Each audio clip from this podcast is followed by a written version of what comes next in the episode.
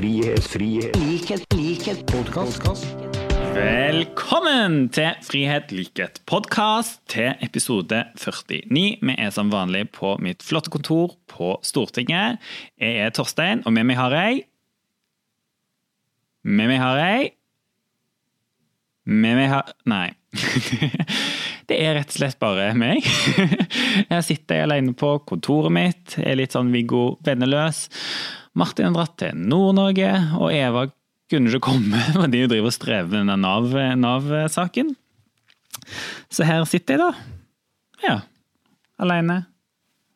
Mattetekniker er her, da. Men hun smiler bare og nikker og ler og ja. Synd synd på meg, virker det som. Ja, ja. Men jeg har i hvert fall lagt meg en liten saksliste da.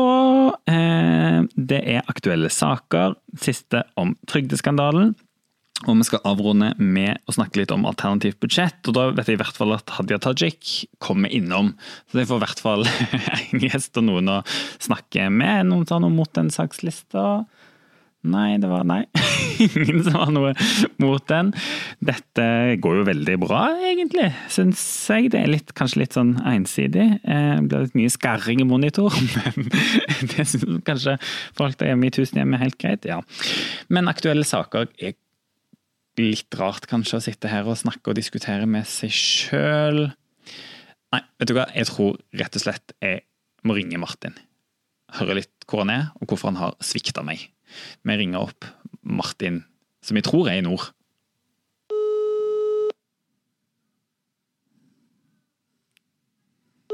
Hallo. Hallo, Martin! Hvorfor har du forlatt meg? Det kan du tenke litt over, tenker jeg. Nå sitter jeg helt alene på kontoret. Eva har ikke kommet, du er i nord. Er du uten Eva? Ja, hun driver og striver med det der Nav-greiene, så hun kommer kanskje. Ah, stakkars mann. Ja, så jeg sitter her alene på det store kontoret mitt. Det er nesten ekko her inne. Ja, det er sant. Ja, Det blir veldig ensomt på det veldig veldig store kontoret. Du, sitter jo, du har jo kontor på en slags parkeringsplass. egentlig. Men hvorfor har du forlatt meg? Hva er det du gjør? Hva er det du driver med? Jeg skulle ikke vært på Stortinget i dag. Jeg har en, jeg har en miniturné i Nord-Norge. Først i Tromsø i dag, og så på, på KS-møte, som det heter. Og så er det skal til Bodø i morgen og snakke om eh, hvordan vi kan skape klimajobber i nord. Så det er veldig gøy. Ah, hva, er, hva dere skal gjøre når isen smelter? Nå går jeg og mingler blant eh, ordførere og rådmenn. Men det, det er jo egentlig bra, det passer jo egentlig helt perfekt. For da er, Martin, jeg ringte deg nå når jeg, når jeg fant ut at det ikke var noe vits å diskutere aktuelle saker eh, alene. og eh, du som er der oppe blant alle, eh, alle de politikerne, har dere snakka litt om nyheten som kom i dag om at eh, aldri har vi politikere hatt så lite tillit? ja, den så jeg. Ja, Vi har en slags sånn felles trøstestund her. Rett og slett. Samling i bånn. Gravøl for politikernes tillit, på en måte. Ah, nå, er det, nå er det veldig mange folk som går rundt her, så det blir litt, eh, litt høy lyd. Nei, Men eh, det var jo Nei, jeg så saken. Nei, det var, for det var jo ganske, Saken var jo litt interessant, for den viste jo at folk hadde engasjerer seg mer. Tar oftere kontakt med oss eh, stortingspolitikere og politikere om saker som engasjerer de, men at det aldri før, så lenge det er Difi rett og slett som har gjort denne målingen, da, siden de har startet målingen siden 2010, så har det aldri vært så lav tillit til oss eh, politikere. Nei. Hva gjør vi med det? Hal ja, nei, si det. altså, det, er jo et, eh, altså, det er jo et alvorlig signal til oss. Men altså, det er helt ærlig, når jeg ser nyhetene sjøl, når det er blitt såpass polarisert, og det er stråmenn eh, opp og ned og i, og i mente, så blir jeg, merker jeg blir litt irritert sjøl. Altså. Jeg tror nok det har, det har både litt med den polariserte eh, debatten å gjøre, og så kan det hende at vi er altfor lite flinke til å, å synes uh, ute, selv om vi selv om vi eh, reiser mye, så er det et problem når folk føler at, eh, at vi ikke lytter ordentlig. Ja, Det er veldig bra at du reiser rundt. i hvert fall. Og det er en av de tingene som jeg tenkte på, at Det har jo vært ekstremt mye politiske skandaler. Det er jo ikke akkurat, har jo ikke vært liksom en god tid for på en måte politikken. Nå har vi liksom sittet oppe i Nav-skandalen, og i tillegg så har det vært masse sånn utenompolitiske greier med, med alskens. Så kanskje vi kan takke oss sjøl litt òg. Vi kan takke oss sjøl litt også. Jeg skal bare passe på å skrive riktige reiseregninger. Ja, når du kommer tilbake. Men det er veldig bra du drar på en eh, turné eh, med headline for å, for å gjenreise politikernes tillit. Er nå Martin Henriksen sendt eh, til nord for å det? Og dra på KS-møte. På KS-møte, ja, men det er en god plass å starte. Blant venner. Tillit til deg sjøl. Ja. Nei, men det var hyggelig å snakke med deg, Martin. Nå var, Må du kose deg, da. Ja. Jeg håper du får møtt Eva igjen. takk. Jeg håper, jeg håper hun kommer innom. Det hadde vært hyggelig det, å få snakket med noen. Ja, det er fint. Kos deg på KS. Takk. Frihet, frihet, likhet, likhet, podkast. Det var Martin fra, eh, fra, fra nord. Eh, Godt å få litt sånn selskap, selv om det var litt sånn eh, fjer, fjernvenn, brevvenn, føltes nesten litt ut som, med han på, med han på tele, telefon. Og nå har jeg faktisk òg fått bekrefta, hold dere fast, at Eva Kristin Hansen, selveste saksordføreren i Nav-skandalen, har meldt sin ankomst snart. Så hun kommer innom. Vi var så vidt tid til å stikke innom, så det blir superkort. Men du skal i hvert fall gi oss en oppdatering på det siste om eh, trygdeskandalen. Og siden jeg sitter her alene, så tenkte jeg må nesten kjøre et av de gode gamle radiotriksene og spille en liten eh, sang for dere mens vi venter her på, på, på Eva. Og da har jeg faktisk funnet fram til en ganske sånn eh, politisk eh, twist-sang, som òg handler om trygdeskandalen. Fordi eh, sanger fra nyhetene har laga seg en egen eh, Nav-remix, så vi kjører den nå mens vi venter på at Eva skal komme. som.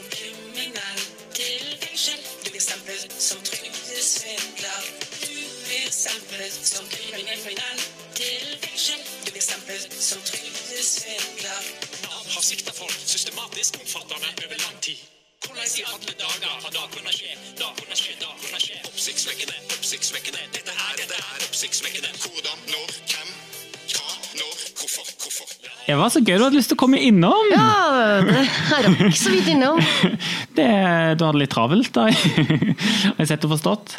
Ja, i dag eh, Eller nå har det vært noen hektiske dager, ja. Ja, for Vi hadde jo en vil jeg si, god og grundig gjennomgang av trygdeskandalen i forrige episode. Men det var før du ble saksordfører og kanskje til og med visste sjøl at du skulle få ansvar for helderiden? Ja, det er et voldsomt ansvar jeg har fått. Det er jo litt sånn spennende, men eh, nå sitter jeg her med jeg tror det er 750 sider foran meg som jeg skal pløye gjennom. Ja, Det er kjempemye. Det er til og med tjukkere enn statsbudsjettet. Ja, det er tjukkere enn statsbudsjettet. Men eh, først av alt, fortell, du er blitt saksordfører for en kontrollsak. Bare liksom, kort, hva, hva betyr det på en måte? Eh, Det betyr at du har ansvaret for å kjøre altså hele saken gjennom i Stortinget, og at det er endelig behandling i stortingssalen i plenum. Eh, Og det betyr at det er mitt ansvar å legge opp hvordan vi gjør det. Eh, Hvordan framdrift skal vi ha? Skal vi ha høring? Legge fram forslag på komiteen hvordan vi skal gjøre det? Men den saken her er jo noe av det snåleste jeg har vært borti, for den er jo så omfattende og alvorlig. Eh, Sånn at eh, her må vi nok bruke litt tid. Eh, Det som vi har gjort nå, er at vi stiller masse spørsmål både til justisministeren og arbeids- og sosialministeren. Eh, Og så i dag fikk vi da en ganske Masse solid eh, bunke med svar. Ja, for En må liksom være litt sånn pinlig nøyaktig her. for Her handler det om litt det vi snakket om sist dag, at når Hauglie er i Stortinget og redegjør, så velger hun sine ord med omhu. For det det hun sier fra talerstolen her, er det liksom hun offisielt gir av informasjon til Stortinget. Ja. Så det er det du mener når dere stiller spørsmål og sånt nå, så er Ja. det liksom the details. ja, liksom. så, ja, så graver jo vi når f.eks. skjønte Anniken Hauglie at saken var så alvorlig. Burde hun ha grepet inn tidligere? Eh, Burde man ha venta til november når man liksom var good to go i februar, og så bare går det tid? Eh, Og det lille jeg leste i dag, da, for at det er så mange sider, er jo at eh, tematikken og problemstillingene har jo pågått over lang tid. Mm. og så virker det som det har blitt litt sånn, ikke trenering, men at det har tatt veldig lang tid. Da, at de sender svar fra Nav klageinstans til direktoratet, så tar det kjempelang tid før man får svar. Så det er liksom, jeg syns det er rart at ikke saken har blitt fanga opp tidligere. Da. At mm. man har tolka regelverket feil. Veldig mange som har visst, og egentlig bare skjøvet det litt videre. Litt sånn uh, Ja. Storleken. Ja, ja men det, det, er- litt sånn det oppleves. Og når du er minister, så har du ansvaret for Oi sann. Plinger mye på denne Ja, telefonen. ja. Eh, eh, hva var, hvor var jeg? Storleken. Ja, storleken, ja. At man skyver litt ting eh, rundt omkring. Og det virker litt sånn Eh, Så tror jeg altså departementet har overlessa oss med informasjon, nå, for nå har de liksom lagt ved alt. Sånn at liksom, den lille mailen du egentlig vil lese, den er godt gjemt. nå, gjemt. ja, det er jo et godt, godt, godt gammeldags triks. Det et Full, full åpenhet. Ja. Og det, ja, det er Ber de om informasjon, så skal de pinadø meg få informasjon. Og det har vi eh, erfart i dag. Så, men eh, hvor vil du si liksom, at saken står nå? Nå er en litt sånn på eh, eh, Plukke i detaljene? Ja, nå blir det jo plukking i detaljene, og så ser du også at media er jo veldig aktivt Ja. i, i det. Det Jeg ser De maser mye på deg. Ja, og, og jeg syns jo det er kjempebra at de greier, men samtidig blir du litt forvirra av det, for at det rotete det systemet du har i hodet. Når plutselig at Aftenposten roter opp en gammel dom i EU-domstolen, Ja. eh, og så har ikke vi hørt om den før, og så er det det du må kommentere mens du egentlig bør sette deg ned og lese de brevene. Ja. altså Nesten litt sånn beskjed til journalisten at slutt å grave, for nå må vi få tid til å lese. Nei. Ja, men jeg tror de skjønner det sjøl. Men de syns det her er spennende, og det er jo vanlige folk som har blitt ramma Ja. av en veldig stygg eh, skandale. Eh, Sånn at Det er jo ikke rart at media er, er opptatt av den saken. Mm. Ja, og også har- at det er trykk i Stortinget. Ja, og du, men du har, du har skutt litt av media, for her er det mange som gjør en god jobb på å grave og liksom uh, egentlig gå dypere inn i saken enn det både departementet og vi politiske har Ja, og journalister, Det de er gode på, er jo å be om innsyn i ting som ikke nødvendigvis alltid vi skjønner at vi kan be om innsyn i. Eh, For det er jo liksom måten de jobber på. Um, og I kontrollkomiteen så ber jo vi om å få alle opplysninger, og sånne ting, men de liksom tenker hm, jeg skulle ha spurt om et brev som ligger et helt annet sted. Uh, og det vil jo være nyttig for oss. Uh, det være et bidrag til arbeidet vårt, da, at kanskje vi også skal stille denne, de spørsmålene media stiller. Mm. Nei, og det er litt sånn som du sier det der, og vi snakket jo om det sist, her er det jo ekstremt viktig å huske på en måte hvem, hvem saken handler om. Alle de folkene som har blitt liksom feilaktig, feilaktig dømt. Og Det syns jeg er litt kult å se da, at saken er så stor, men selv også om det er litt sånn nerdete og detaljert, så på en måte er det fullt trøkk fra media og fra det politiske på en måte på å grave i saken og egentlig gjøre det vi på hver vår kant er best på. da. For jeg, jeg tenker liksom, Det er litt sånn fare for at dette kunne vært en sånn sak som falt litt i glemmeboka fordi det var trygt og noen av de svakeste i samfunnet det handler om. Ja, og, og det syns jeg det, det går ikke an å si det fine. Det, det, det fine i den tragiske saken Ja. er at folk tar det veldig alvorlig. Eh, og det tror jeg jo folk eh, i sånn type departement og direktorat, og vi snakka sist om dem som jobber i Nav. Jeg var på et møte i går og snakka med en som jobber i Nav. Eh, og han forteller at her må vi ha ordentlig HMS-arbeid, for at det er tungt å stå i den jobben nå. Eh, men det er folk som har blitt kasta i fengsel, og det er dem denne saken her handler om. Eh, og så handler det om eh, Statsråden har Stortinget sin tillit. Det er jo det det ender opp til syvende og sist med. Ja, og det kan jeg tenke meg i det flest journalister spør deg om nå. Ja. Liksom sånn, altså nå har du, har du fått litt mer eh, informasjon, og Arbeiderpartiet vi skal aldri hoppe til konklusjoner litt for tidlig, og sånt, men hva, hva, hva tenker du nå om spørsmålet mistillit, og må Hauglie, må Hauglie gå? Det jeg har sagt er jo at det er jo ikke utelukka at det blir fremma et mistillitsforslag i en så alvorlig sak. eh, hvor både statsråden og Nav-direktøren sjøl syns de gjør en fortreffelig jobb, og folk har blitt kasta i fengsel. eh, og det er bare man driver sånn her og skylder på andre. Nei, den, nei, det er den som sendte den e-posten. Nei, det hadde ikke jeg noen ting med. Og det er den storleken igjen, da. Eh, og jeg mener at noen må stilles til ansvar. Uh, og så får vi se om de tar det ansvaret. Men mm. mistillit, vi får nå se. Mm. Nei, og Det er jo helt klart, det er jo regjeringen og de på en måte som har ansvar, og derfor jeg må, må ta ansvar. så Dette blir spennende å følge. Du, du, det kom jo, det ble vel en svær mediesak i, i går kveld. Du hadde flyttet til Trondheim for å være med i en debatt om kulturens rolle i Klimaendringens tid. i klimaendringenes tid, og, satt og skulle diskutere det. Og midt oppi dette så kommer du på en måte da en, eh, fram i mediesaken, basert på alle disse eh, arkene ja, dere nå var har Hansen fått. eh, og satt på møte. Og da var det, det var det at Hauglie visste i februar, Ja. Innrømte ja. Uh, nå sitter jeg jo med, med brevene her. Det var en sånn svær sak som VG hadde. Uh, og jeg hadde jo ikke fått all denne informasjonen, for at det var så store vedlegg at vi kunne ikke få det på e-post. Og det lille vi fikk på e-post, hadde stoppa opp hos meg.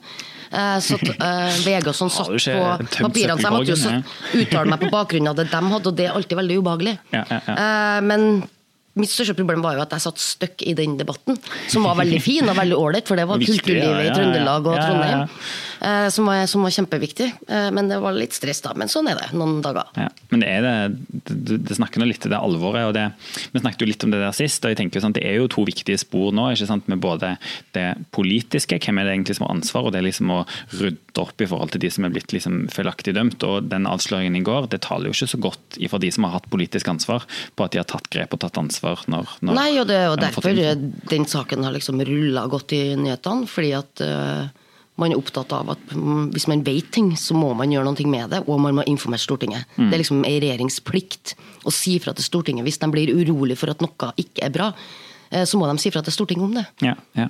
Men nå da, hvordan ruller det og går videre? Nå, Nei, nå skal jeg på et møte om ganske få minutter. eh, og så ja, er det noe fullt trykk utover ettermiddagen, tenker jeg. ja, ikke sant? Men tror du, liksom, sånn når du ser alt med dokumenter, vi snakket jo litt om det sist, hvor lenge kommer denne saken til å rulle og gå? Er det sånn at f.eks. dere i kontroll, blir det liksom konklusjoner og ting før jul, eller?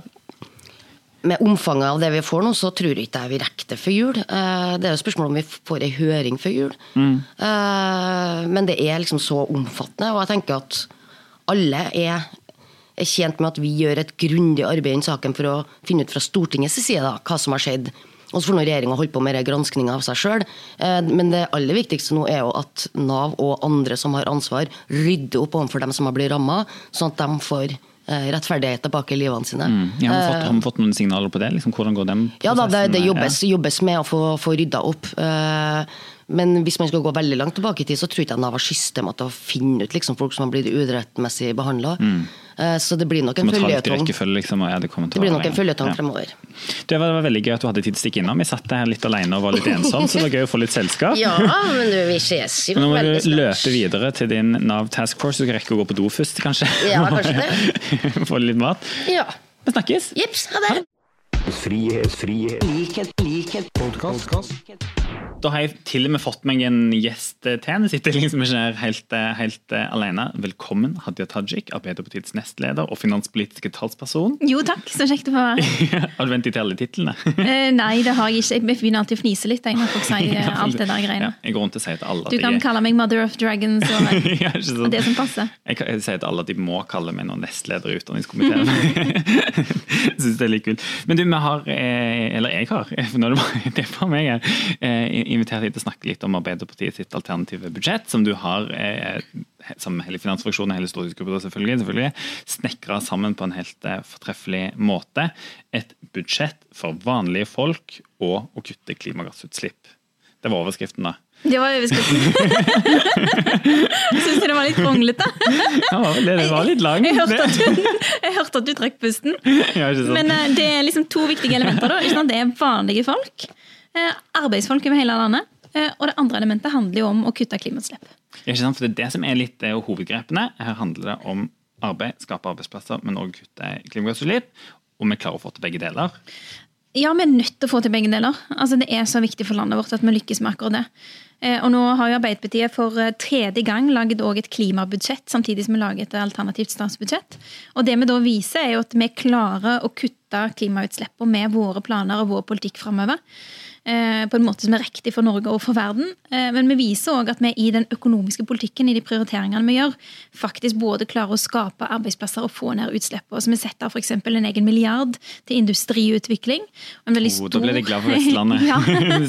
Det. Det var særlig til dere vestlendinger. Men det handler, det handler nettopp om akkurat det. At Mm. det finnes så mye kompetanse og så mye potensial og så mye muligheter og arbeidsplasser og arbeidsfolk som kan så mye.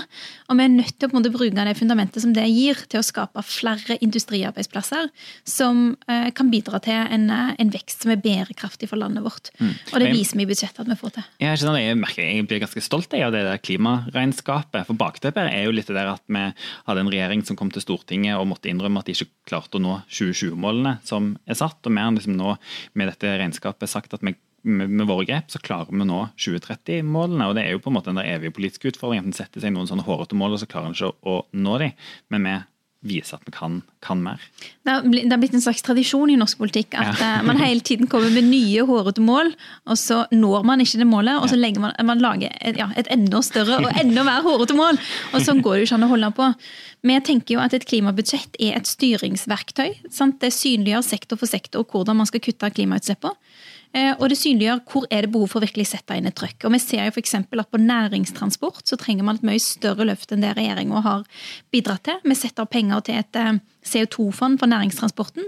Sånn at både lette kjøretøy, tunge kjøretøy og hele maskinparken skal kunne byttes ut. Man skal kunne bytte ut hele flåten med de pengene som man da setter av. Sånn at de kan eh, ja, altså byttes ut med eh, en næringstransport som ikke slipper ut farlige klimagasser. Det minte meg litt på når, sånn som det var når jeg var student. Når jeg alltid tenkte at neste semester da skal jeg klare oss mye bedre enn når jeg begynner å lese pensum og sånt eh, tidligere. Så det er jo litt gøy når driver med å presse regjeringen litt på at her må de, må de levere.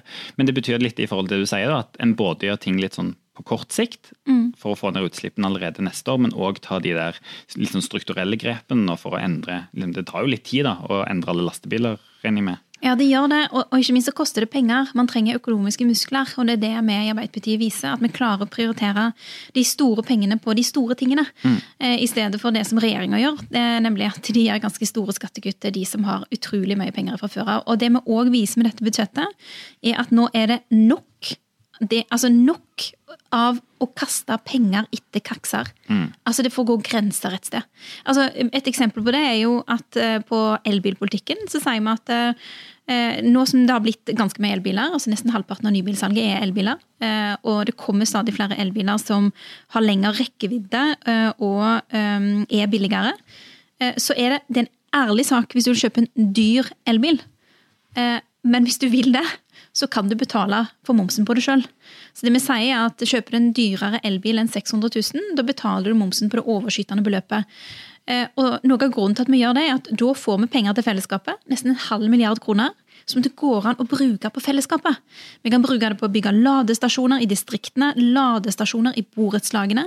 Altså gjør det mulig for flere å eh, faktisk kunne kjøpe seg en elbil sjøl, i stedet for å kaste penger etter folk som har så mye penger fra før av at de kan kjøpe en elbil til én million. Ja, da kan de fordundre meg betale for deler av momsen òg. Jeg, jeg synes det ble et ganske sånn smart forslag. Det der at en, du får på en måte, sånn, du tar jo med deg rabatten opp til 600 000, og så må du på en måte, hvis du har lyst liksom, å ta en sånn, ja, kjøre, kjøre litt luksus, eller eh, velge noe som kanskje er mer design og, og akselerasjon og ligner mer på en, på, en, eh, på, en, eh, på en sportsbil. Men det har jo ikke stått på motstand fra høyresida. Ja, det er helt de helt Ja. Og Av og til virker det som de er mot bare for å være mot, men jeg tror Ja. inni seg så tenker de òg at det egentlig er riktig. De må jo tenke det. Altså, men De forsvarer jo kaksene sine, da. Det- de gjør det. De gjør det. Men jeg ser jo at det er et forslag som har fått støtte mange plasser. Ja. Eh, Alt fra Nasjonen til Dagens Næringsliv, og det vil jeg si er en bredde i seg sjøl. Adresseavisen. Jeg tenkte til og med Dagens Næringsliv. Ja. Da ble jeg litt stolt. av liksom- Jeg vet ikke. Jeg, skal, altså, jeg, tror det er balansen i nettopp det at både var Nasjonen og Dagens Næringsliv som gjør at jeg en føler en, Ok, ja, godt sånn, en trygghet i akkurat dette her. Men du, sånn, Apropos kaksene, vi gjorde jo noen grep på, liksom, direkte på skatt og sånt òg. og jeg regner jo med at det er noe av det sikkert journalistene blar opp til først når det er liksom pressekonferanse på dette. Hvor mye mer milliarder i skatt blir det for Arbeiderpartiet? Så kanskje liksom to ord om det skatteopplegget som eh, som òg ligger her. Ja, jeg syns vi har et uh, utrolig bra skatteopplegg. Enig. altså, det, er, det handler om å ha Aldri vært bedre. Nei, sant. Men altså, det handler om å ha rettferdige skatter. Ja. Det er det det handler Ja, om. ja. Eh, og i praksis så betyr det at vi legger opp til eh, at eh, hvis du har en inntekt på 750 000 eller mindre, så betaler du omtrent det samme som du betaler i skatt i dag, eller mindre. Mm. Eh, men hvis du har en inntekt over 750 000 kroner, eh, og da- har du ganske god inntekt, Ja, ja. da må du regne med å betale mer i skatt med Arbeiderpartiet. Eh, Og det det handler om er jo at de som har mest, må bidra med mest. Det er òg det som er mest rettferdig. Um, vi gjør samme type grep når det gjelder formuesskatten. Det er jo en, eh, en skatt som handler om at har du mye eiendom, har du mye økonomiske verdier, så må du betale mer til fellesskapet. Så det er en skatt som er veldig rettferdig, for det målretter seg nettopp overfor de som er ja, pengesterke. Så, òg formuesskatten er mer rettferdig med Arbeiderpartiet. Mm. Og altså, nå har vi jo sett også, Gjennom den perioden som denne regjeringen har styrt, så har forskjellene økt. En av grunnene til på en måte det er jo det skatteopplegget som de har gjort. så men liksom, kan, en, kan en se for seg at ulikheten hadde gått litt ned med vårt opplegg? Eller er det for bastant, kanskje? Jeg tror at det er flere ting som må virke samtidig for at ulikhetene skal gå ned. Det ene er jo at man trenger et rettferdig skatteopplegg, og der vil Arbeiderpartiet sitt skatteopplegg vil bidra. Men det andre man trenger er jo en god offentlig velferd. Og da kan man ikke drive og slippe opp for stadig flere private kommersielle aktører som tapper den offentlige velferden for penger. Fordi det vil òg forsterke forskjellene mellom folk. Da er det lommeboka som styrer. Og så er man eh, nødt til altså, eh, å eh, ja, omfordele. De som har mest, må, må bidra med mest. Og så må man snakke litt om vanlige folk. Det, var, det er jo en del av overskriften her på, i, i, i linja. Er du vanlige folk, Torstein? Jeg, nei, altså jeg vet ikke helt. Ikke når det kommer til det skatteopplegget som vi nettopp skisserte, tror jeg. Men ja, fortell litt. Hvordan kommer vanlige folk til å merke det? For det, det der også er, Ofte så begrenser en jo litt det liksom, til hvor mye du skal betale i skatt. Men det er jo ikke, det er jo ikke hele, hele bildet. For på toppen av dette så betaler du jo barnehagepris, SFO og alle de andre tingene. Og der har vi vært smarte i år. Ja, stille altså- et ledende spørsmål. med, med vårt alternative budsjett så ville man eh, fra et år til et annet merke forskjellen på lommeboka. Um, det betyr f.eks. på barnehagepriser at maksprisen i barnehagen ville gått ned med 2200 kroner i året. Og det er ganske mye penger er for en vanlig familie. Ja, det er mye. Eh, og vi foreslår jo òg at det skal være et tilbud om gratis SFO til førsteklassingene. At man Mhm. starter utrullingen av det. Og det flyr jo med ganske mange tusen bare på å ha SFO-plass til de yngste. Eh, Og så foreslår vi òg å doble fagforeningsfradraget. Eh, Det er jo noe som er viktig for masse organiserte arbeidsfolk der ute, men òg for folk som har lyst til å være organisert, men som opplever at det er litt dyrt. Mm. Viktig grep mot den fallende organisasjonsgraden som vi ser, og som regjeringen er helt Absolutt. til. Ja. Og særlig eh, når det er et behov for å få flere unge folk liksom på vei inn i arbeidslivet til å organisere seg, for da vet vi at økonomi har noe å si. Og det å doble fagforeningsfradraget, det betyr altså i skattemessige kroner, så betyr det at du får eh, altså en tusenlapp tilbake. Um, og dette i sum er jo noe som betyr noe for vanlige folk sin hverdag. Vi øker jo pendlerfradraget. Det betyr at kjører du til og fra jobben eller tar toget til og fra jobben, så vil du sitte igjen med mer penger sjøl eh, enn det du gjør med høyreregjeringa. ja, for vi er også ganske gode på distrikt. Altså det, det vil jeg si. Ja. Altså et av de viktigste eh, virkemidlene for at distriktene våre skal ha gode velferdstilbud, det er jo nettopp det at kommunene har god økonomi. Og vi foreslår jo 3 milliarder kroner mer til kommunene og fylkene. Og det betyr mer til skoler rundt om i hele landet, mer til eldreomsorgen rundt om i hele landet, mer til barnehagen i hele landet. Ja. Men et annet eksempel, eller to andre hvis jeg får lov. Ja, det ene er at dette høres ikke sånn kjempesexy ut, men det er skikkelig viktig, og det er det som heter regionale utviklingsmidler. Ja. Man kan jo si det med litt sexy måte. Regionale utviklingsmidler. Ja, ja, ja. Altså, og det det gjør, det er at det bidrar til å skape arbeidsplasser rundt om i hele landet. Altså Det man har av lokalt næringsliv og lokal kreativitet. Um, altså, eh, og man trenger liksom midler i ryggen for å kunne sette i gang det arbeidet. Det er det regionale utviklingsmidler bidrar til. Så det er noe som betyr noe for arbeidsplasser i hele landet, og høyreregjeringa har valgt å kutte og kutte og kutte. det er og kutte i kjempeviktig, ja. Eh, og det andre eksempelet, Ja. som du bare dør etter å høre om, eh, det handler om bredbånd. Ja. Altså Tilgang til høyhastighetsinternett over hele landet. Der setter vi av en kvart milliard. Så det er klart at Det det er kjempeviktig. Altså, jeg mener det sier seg selv. Altså, skal du følge med i tiden, holdt på så må du være på Og internett. skal du høre podkasten Ja. til Torstein og Eva og Martin, så Uten hakk og Må du ha bredbånd? Og vente de der, ja. Nei. Men det er klart at det òg betyr noe for det å skape arbeidsplasser i hele landet. Altså Det å ha tilgang til høyhastighetsinternett er ganske avgjørende. Det er litt sånn opplagt. Mm. Så det at man burde prioritere det, det mener jo Arbeiderpartiet er innlysende. Er helt sant. Det er veldig mye god distriktspolitikk. Og jeg syns nesten liksom også litt sånn synd på noen av de Vi har jo vunnet veldig mange kommuner, nå, har veldig mange ordførere, og så har vi sendt ut en sånn mail fra Arbeiderpartiet nå. Så mye penger hadde din kommune fått hvis vi styrte. og så er det veldig mange kommuner nå med det dårlige kommuneopplegget til regjeringen som faktisk må kutte, og på en måte da ser at ting kunne sett mye annerledes, eh, annerledes ut. Ja, jeg tror det er ganske tøft å være kommunepolitiker i disse dager. Altså, Kommunene har ikke opplevd et strammere økonomisk opplegg eh, enn det de har fått med denne regjeringa her de siste 15 åra. Og det betyr at det er ganske tøffe tider eh, rundt omkring i landet, og at det er en del lokalpolitikere som ja, er nødt til å på en måte veie opp en skoleplass mot en eldreomsorgsplass og si at man er enten nødt til å kutte her eller der for å få budsjettene til å gå i hop. Jeg synes det er nesten litt sånn feigt av regjeringen og de, for de tør liksom ikke stå i det sjøl. De, Ja, de det er setter liksom kommunepolitikerne som, må, som gjør det. Men de skyver det nedover. Eh, Det er jo selv ikke det fantastiske budsjettet vårt har fått plass til alt. Og det er allerede noen som har tatt kontakt med meg og spurt ah, hvor ble det av denne kulturskoletimen og, og Ja. sånne ting. Det er, og det er jo for eksempel ikke Vi har ikke 1 til kultur og sånne ting som vi hadde i den rød-grønne regjeringen. Hva sier du til de? Jeg sier til de at eh, det du forteller meg er at man trenger Arbeiderpartiet i regjering. Fordi For å fikse en del av disse tingene, så trenger man mer enn ett budsjett. Eh, Og så alvorlig har det blitt. Ikke sant? Når høyreregjeringa har styrt gjennom sju statsbudsjett, så har de klart å endre ganske mye i dette landet. Eh, De har klart å gjennomføre ganske store kutt eh, i velferdsordningene våre. Eh, De har klart å gjennomføre ganske store skattekutt som har tappa fellesskapet for veldig mye penger. Altså Akkumulert er det snakk om 125 milliarder kroner altså som fellesskapet har gått glipp av gjennom de siste åra. Og det betyr jo at når, man, når man da liksom skal bygge, legge liksom steinene på ny, da, så må man gjøre det gradvis. Og Fra ett budsjett til et annet så klarer vi å gjøre ganske mye. og Maksprisen i barnehagen er ett eksempel, og dobla fagforeningsfradraget er et annet. Eh, Men en del ting kommer til å trenge mer tid på å fikse. Så når, når høyreregjeringa har sluppet inn eh, flere kommersielle private aktører i velferden vår, så eh, er det ikke bare gjort i en håndvending eller med et knips Ja, å få de ut igjen. Ja, Tannkremen ut av tuben er liksom ikke så lett. Men du, En hadde- tannkrem ut av tuben, Torstein, er jo ganske enkelt.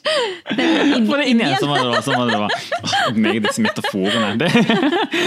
Men du, eh, det var fordi jeg tenkte på noe annet. For helt mot slutten her, når, hadde jeg, eh, når jeg har nestlederen i Arbeiderpartiet her òg, så må jeg eh, spørre litt om hva du tenker om eh, Senterpartiet. Nå er det, altså De flyr så høyt, og de sprader rundt her i gangene med, med masse, masse selvtillit. Det er godt forbi Høyre på en, på en, på en måling og ligger liksom over, eh, over 20 20-tallet. Og da lurer sikkert også alle journalistene og litt eh, jeg går på Er vi da, liksom, er vi da eh, lei oss i Arbeiderpartiet for å se et Senterparti som er, er bykse framover?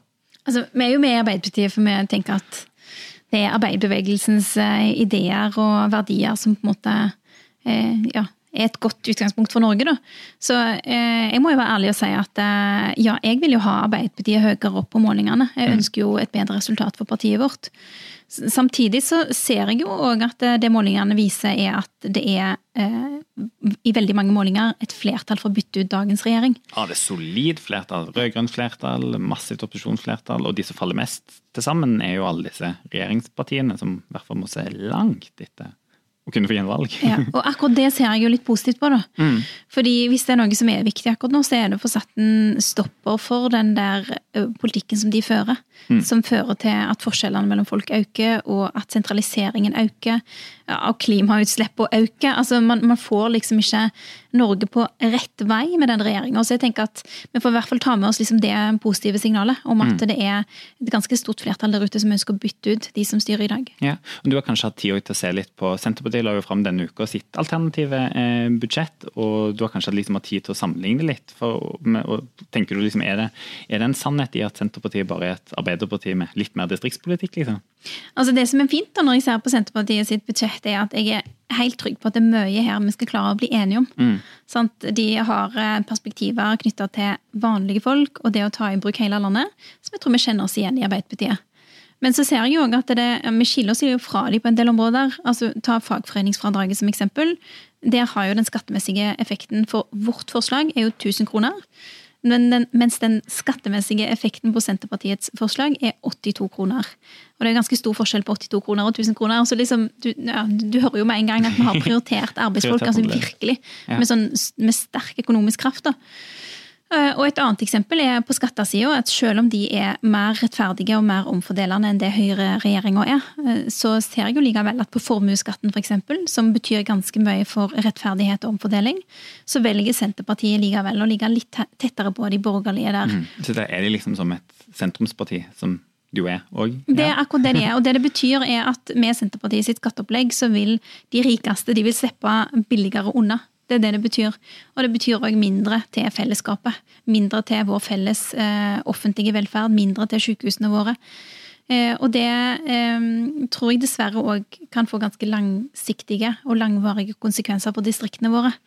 Fordi eh, man trenger virkelig å sette penger bak orda. Eh, og da må man òg vise i de alternative budsjettene at man prioriterer det. Kult. Men veldig gøy at du hadde lyst til å komme, Hadde Jeg satt liksom litt alene her i starten, men da ble det egentlig ganske gøyal episode. Veldig bra du kom innom og snakket litt om det alternative eh, budsjettet. Eh, siden vi sitter her, så er det ikke heller noe annet på eventuelt, så jeg tror det var det for denne gang. Takk for oss. Takk for nå.